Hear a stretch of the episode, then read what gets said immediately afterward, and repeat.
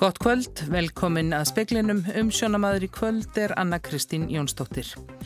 Ólíklegt er talið að ástralskur ferðamaður sem ljast á heilbriðistofnun Norðurlands á Húsavík í gær hafi dáið úr COVID-19 sjúkdómnum þó að komið hafi í ljósa bæði hann og konans voru smittuða veirunni.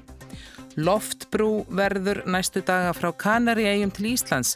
Þar er útgöngubann og verið að loka hótelum. Á þriðja þúsund Íslandingar hefur minsta eru á eigunum. Prestar réttrúnar kirkjunar í höfuborg Georgi hafa gengið til þess við heilbriðisíðvöld í bartöfuverina og stökka vígðu vatni og allt sem fyrir þeim verður. Miskilnings hefur gætt bæði á Íslandi og í Breitlandum það hvort stjórnvöld vilji að megin þorri fólk síkist á COVID-19. Erfitt er að segja til um hvort það sé gott fyrir samfélagið og ungt og hraust fólk veikist. Ástralskur ferðamæður sem lést á heilbriðistofnun Norðurlands í gær reyndist smittaður af COVID-19. Ólíklegt er talið að hann hafi látist af völdum þess. Maðurinn kom til landsins á samt eiginkonu sinni með flugi fyrir viku og þau ókuð norður á bílalegubíl. Hann leitaði til heilbriðistofnunar Norðurlands á Húsavík vegna alvarlegara veikinda og lést stuttu síðar. Dánar orsök likur ekki fyrir en sjúkdómsenginnin voru ekki dæmi gerð fyrir COVID-19. Þórólfur Guðnarsson sótvartanleiknir segir ólíklegt að veiran hafi dreyið mannin til dauða. Þessi einstaklingur sem lést eh, hafði ekki verið með neina enginn um COVID-síkinguna Þannig að frekara rannsóknir þörf á því hvort að einhver tengsl er á milli COVID og svo, svo andlátsins.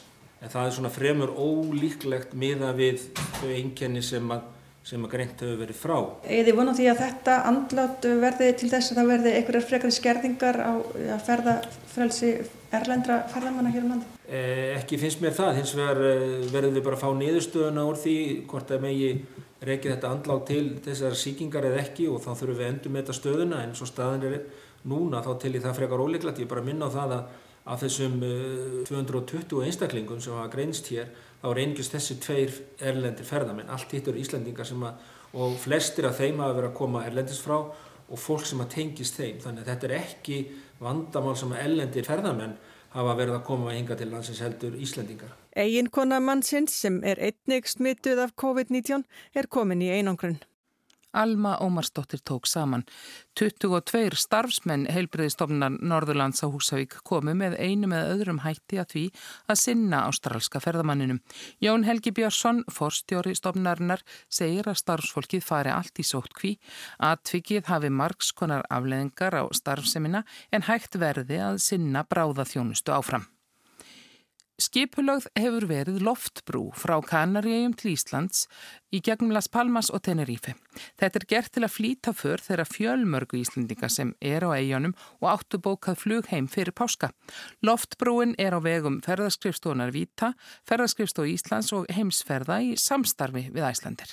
Útgöngubann er á eiginum vegna útbreyslu COVID-19.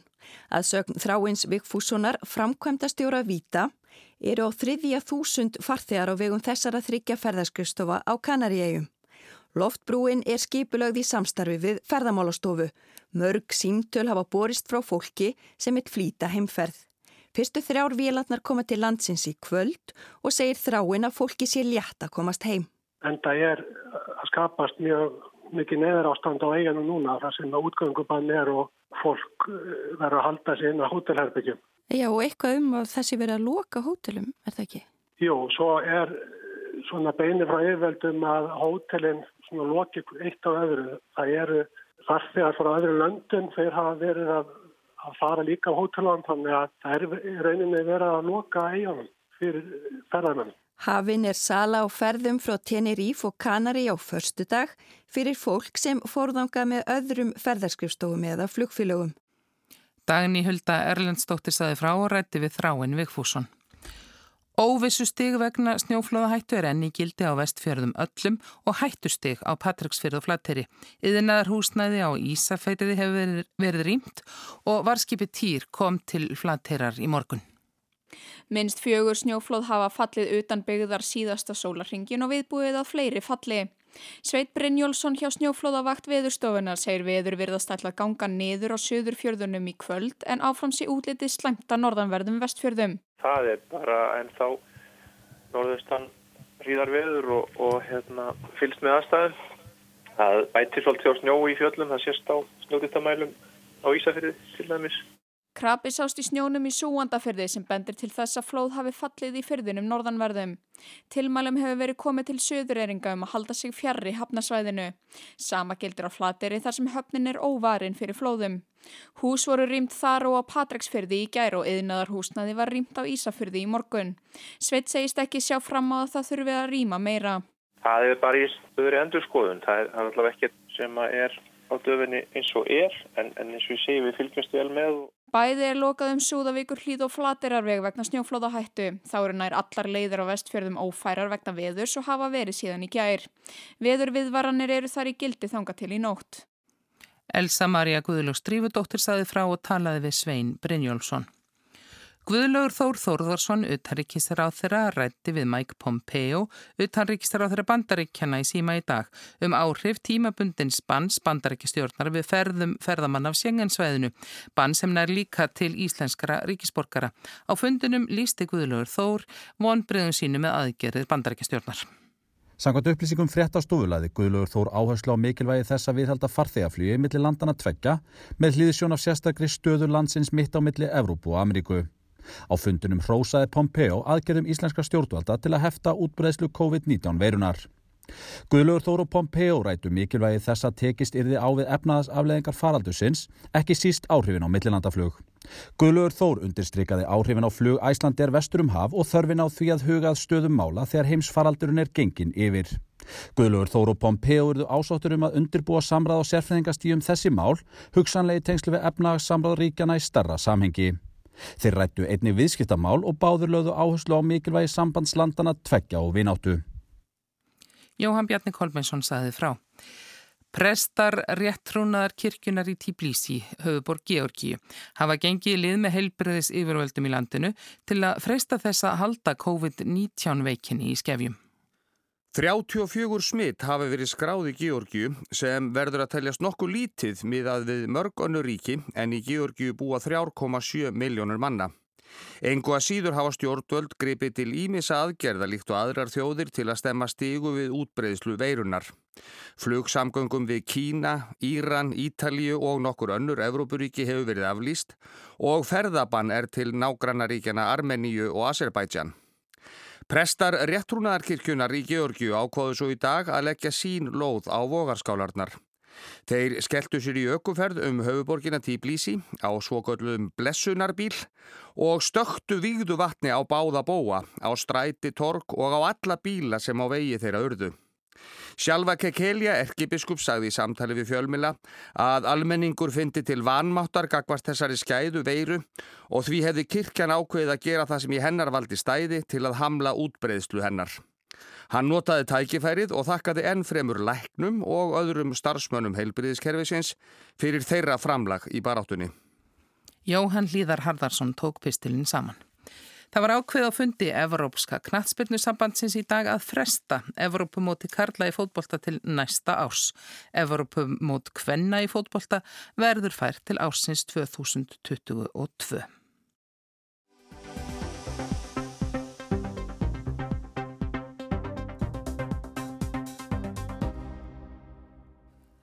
Strax í síðustu viku og reyndar eins og við heyrðum áðunni fréttunum í dag líka þá mótmæltu íslensk stjórnvöld aðgerum bandariskra stjórnvalda. Stjórnvöldin höfðu þá sett kom banna á komu ferðamanna frá Sjengenríkjum og í gæri var greint frá tilmælum framkvæmda stjórnar Evrópusambandsins um að loka ytri landamærum Sjengensvæðisins.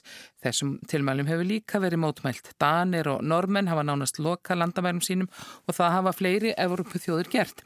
Hingað í útfarshúsið eru þau komin Sigriður á Andersen, sjálfstæðisflokki sem er formaður uttaríkismálanemndar alþingis og Lógi Einarsson, formaður samfélkingarna sem situr líki þeirri nefnd. Velkomin. Takk fyrir. Manni líður nú kannski bara nánast eins og það sé verið að skella í lás. Heimurinn henn hefur gjör breyst frá því sem var bara fyrir nokkrum dögum eða vikum. Hver eru svona bara ykkar viðbröð við þessum síðustu tíðendum af lokunum? Já, þetta eru þetta rillileg hlutir sem við erum að upplifa. Eh, við erum annars vegar að glýma við þetta heilbriðisvandamál utan að koma til áhrif þessari veiru sem að þetta þarf að taka föstum tökum og með sínist þjóðir hafa beitt mjög mismunandi að, aðferðin við. Síðan er okkur náttúrulega að verða ljósar og ljósara þessar efnaðslu afleðingar sem að þetta hefur. Eh, við höfum okkar bestu sérfræðingar í, í, í sóttvörnum hafa talað um það að ferðarbönn skiluðu takmörku um árangri og það ætti að beita öðrum aðgerðum. Í þýljósi þá uh, er þetta ekki þægilegt að fá þessar frettir korki frá bandaríkjónum eða núna tilmælinn frá uh, Evrópu uh, og við verðum bara að skoða þetta í ró og næði en það er ljóst að þetta er högg fyrir mm. okkur. Uh, Sigriður, svona þín viðbröð? Já, ég tek svo sem undir þetta, þetta er allt saman mjög óþægilegt það er líka fróðlegt að hafa fylst með frá upphafi frá því desember, januar þegar þessi veira kom upp mismunandi viðbröð ríkja. Uh, ég tel nú að það sé alveg ljóst að það hefur eitthvað mjög mikið farið úrskeiðis og Ítalju, svo mikið sker Ítalja sig úr uh, frá öðrum löndum. Ef við til dæmis berum, okkur, berum það saman við til dæmis Kóreu sem er mjög þjættbíla land og, og hefur tekist uh, að því að verðist, ef, ef markam á tölur, svo má velta því fyrir sig líka, frá allum þessum löndum en þá verðist þetta með Suður Kóri að hafa náð eh, undraverðum árangri miða við minnstakosti Ítalju og uh, þannig að það þarf auðvitað að draga eitthvað lærdom af þessu og skoða það. Og það segir okkur líka það að, að það er kannski ekki uh, eins og menn segja einn starf sem að hendar öllum. Þar að segja eitthvað eitt sem að virkar í öllum sama að, aðgerð sem virkar í öllum löndum. Uh, þessar núna nýjustu uh, aðgerðir Evrópusambandsins að loka ytri landamærum Schengen, þau orka uh, svona tímæli sem er svolítið frá okkar bæjaturum séð hlýtur að vera. Og virðast vera í þeim tilgangi kannski einum að koma í veg fyrir það eða fá einstök ríki innan Evrópusambandsins og Schengen ríkjana til þess að falla frá þessum, einst, þessum sérstöku lokunum hvers ríkis Uh, ég veit ekki hvort að það tekst, hvort að Európa-samöndun tekst það með þessum aðgerðum mm. en það virðist vera tilgangur uh, aðgerðina eh, Svo maður spyrir ykkur nú bara samt ég meina það, það hafa alveg heyrstrættir hér heima um það við sem erum eiland hefðu nú bara átt að, að loka okkur af frá um heiminu, hvað fannst þér um mm. það?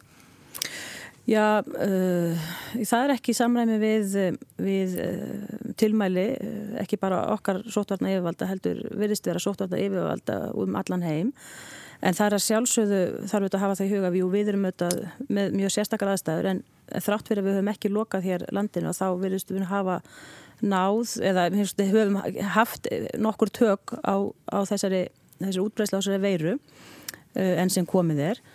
Eh, en svo má heldur ekki horfa fram hjá því að eh, flestir eru nú skinsamir og flestir hafa tekið tilmælum vel og í landi eins og Íslandi eins og í Evrópu, minnst þú veist í norður hluta Evrópu þar sem að fólk er nokkuð vel upplýst þá hafa menn tekið þetta bara málinni sínar hendur og fyllt tilmælum og hægt að ferðast og það hefur ekki þurft bóða bönn í þeim, í þeim efnum Þannig að uh, það er mikið fengið held ég ef að menn ná að uh, halda málunum í þeim farvegi fremur með bóðum að bönnum. Mm.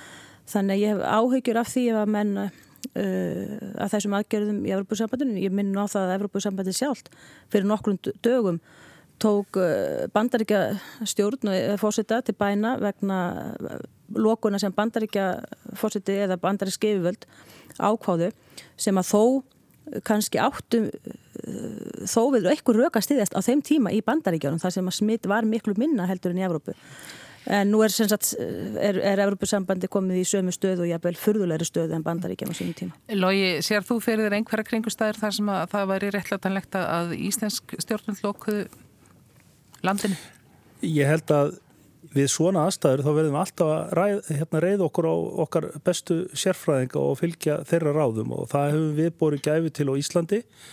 Eh, en hins vegar þá auðvitað vegast á þarna uh, tvö sjónamið það eru auðvitað til fleiri rauksemdir heldur um bara sótvarnir, það er uh, efnahagsleg áhrif þessara hluta.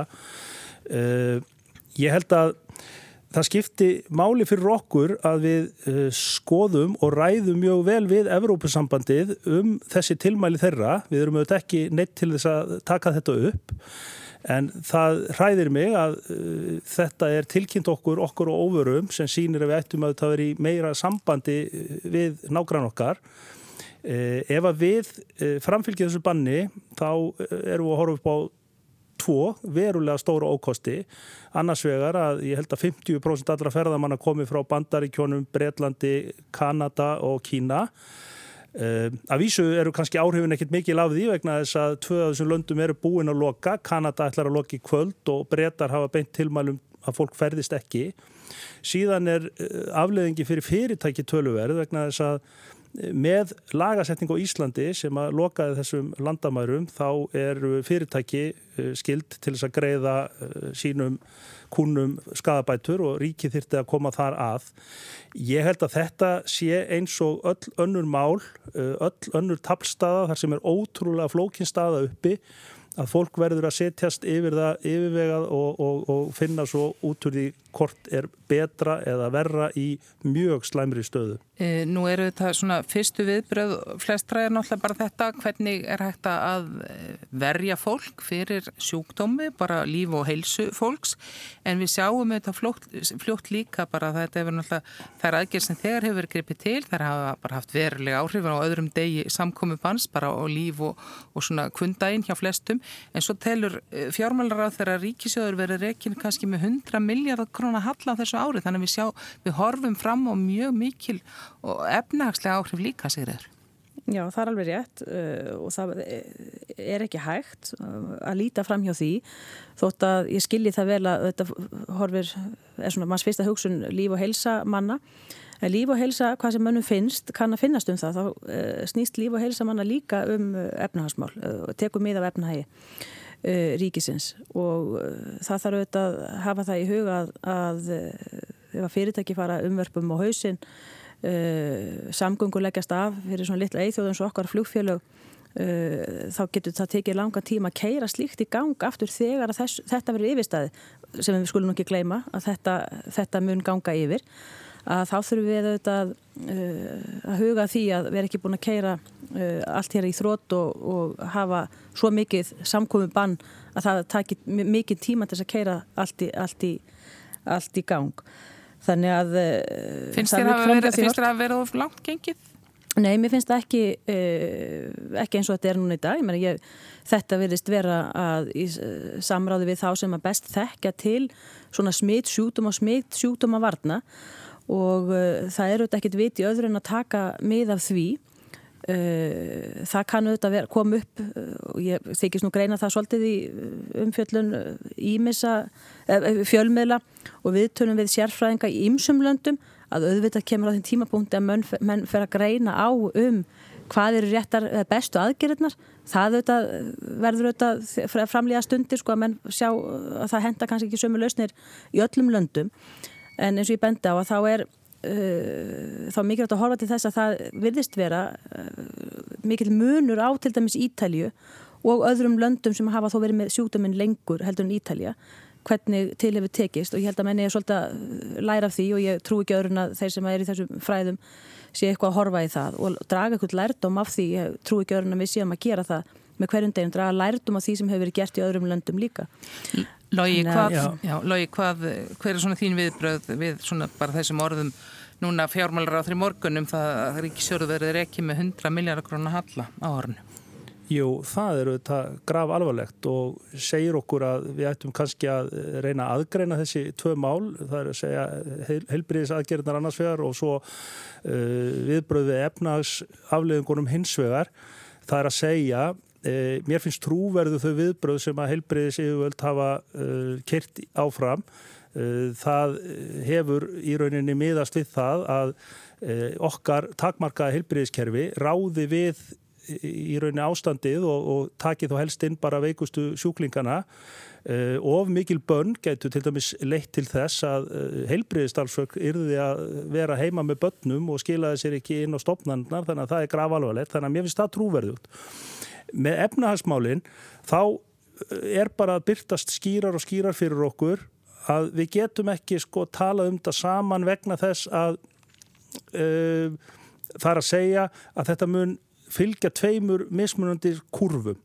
Við munum hugsanlega ráða niðurlugum veirunar á einhverjum tímapunkti en þar og eftir verðum við að glýma við afleðingar af henni á efnahægin um mjög langan tíma. Mjög langan tíma. Þakka þér fyrir þetta logi, við erum bara komin að lokum í þessari umræðins langt og hún nær, en hún mun ábyggilega fylgja okkur eitthvað áfram. Sigurður á Andersen og logi Einarsson, ég takk ykkur fyrir komina.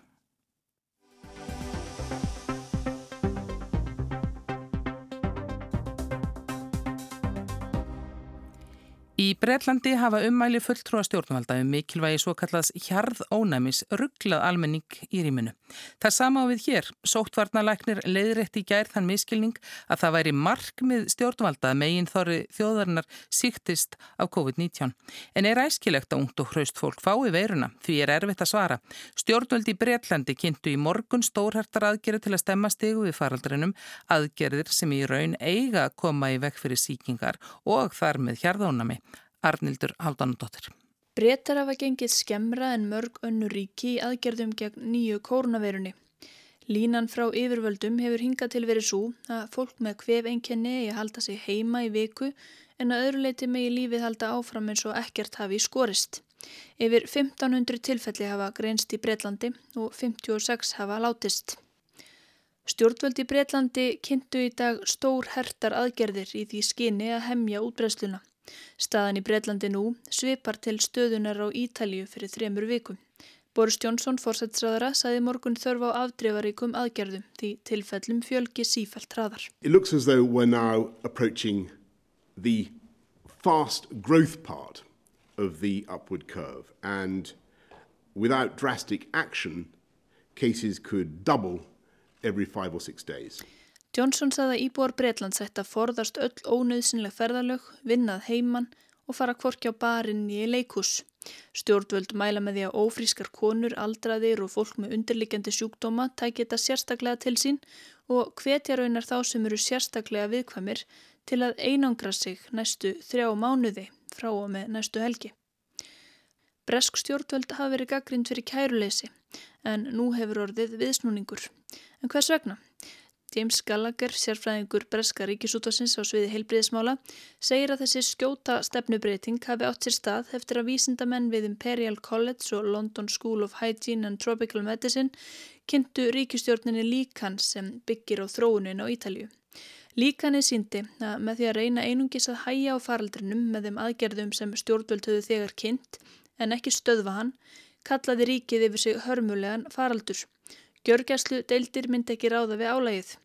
Útrekningarnir bentu til þess að án frekari aðgerða myndu 260.000 manns láta lífið á Breitlandsegjum, ekki bara úr COVID-19 heldur einni vegna þess að heilbriðiskerfið gæti ekki synd öðrum sjúklingum sem þyrtu sérhæfða þjónustu. Það er bara einn stór hængur ásaði Gallagher. Um leið og aðgerðum verður hægt gæti veiran náð sér á stryka á ný. Í skýrslu líkanasmiðana kom fram að það gæti þurft að halda aðgerðunum til streitu allt þar til bóluöfni kemi á markað og það gæti tekið meira en ár.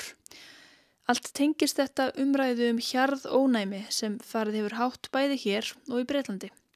Á Íslandi er gott hjarð ónæmi fyrir hennum ímsu óværum, rauðum hundum, kíkhósta, mænusótt og mislingum svo dæmi séu nefnd. Ástæðin er svo að börn eru bólusett fyrir þessum sjúkdómum. Veira sem kemur hún í samfélagið og reynir að síkja fólk rekst allstaðar á veggi. Ónæmiskerfi flestra veit hvernig á að losa sig við hana og hún næri ekki bólfestu í samfélaginu. Til að mynda hjarð ónæmi gegn nýjum og óþægtum veirusjúkdómi sem ekkert til bóluöfni við þarf að fara aðra og áhættu samari leið. Stór hluti fólks í samfélaginu þarf að fá veiruna, ónæmiskerfið þess þarf að vinna buga á henni og vonin er svo að það þekkja hana svo aftur ef hún stingur sér niður að nýju rétt eins og spænska veikin gerði haustið 1918. Þá er lok, lok og læs og allt í stáli hjá nógu mörgum í samfélaginu, útbreystan lítill og samfélagið í heild þannig verndað, líka þeir sem að ekki fengu sjúkdóminn.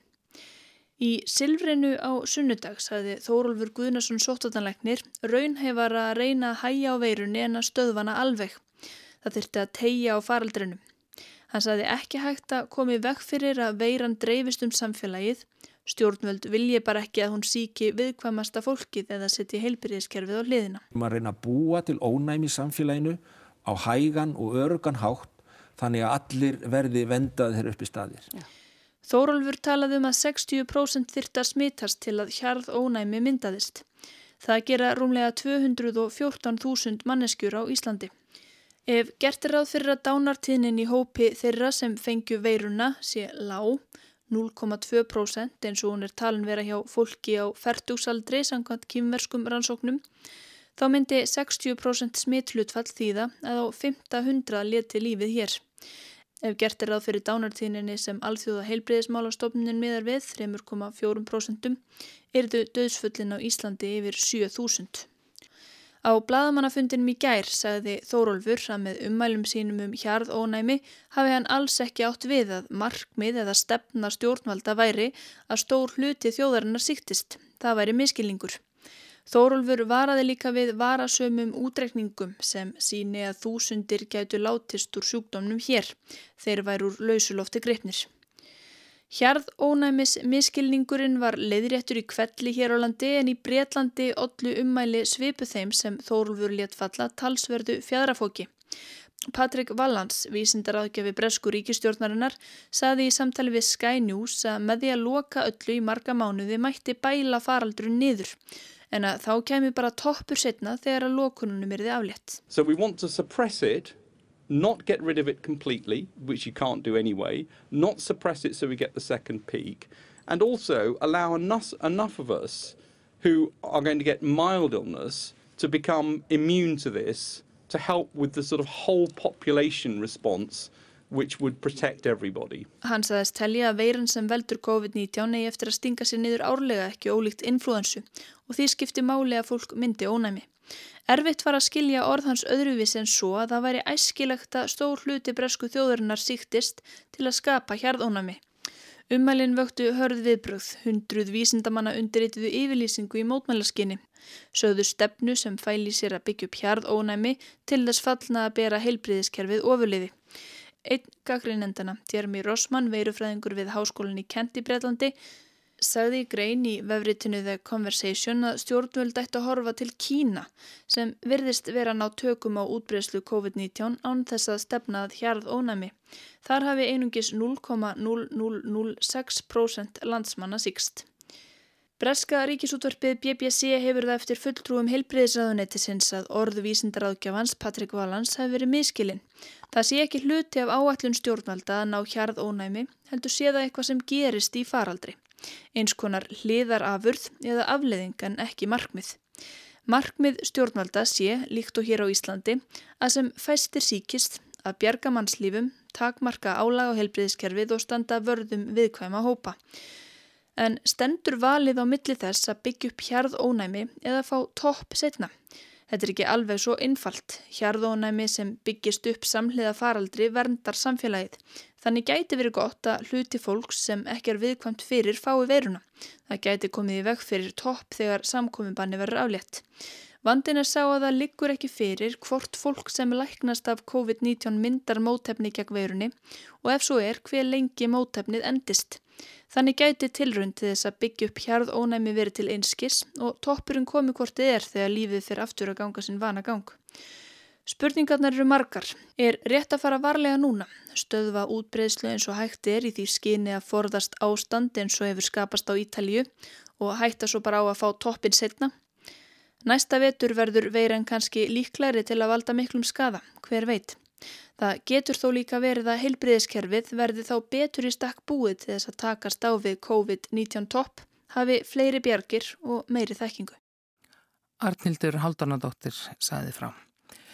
Veðurhorfur á landinu til miðnættis annað kvöld, það verður kvöss norðanátt og snjókoma á norðanverðu landinu, dregur úr vindi og úrkomi í nótt, norðan 8 til 13 á morgun og dáli til jél, en austlægari og snjókoma sunnan lands og veður fer kólnandi. Það var ekki fleira í speklinum í kvöld, tæknimaður var Ragnar Gunnarsson. Verið í sæl.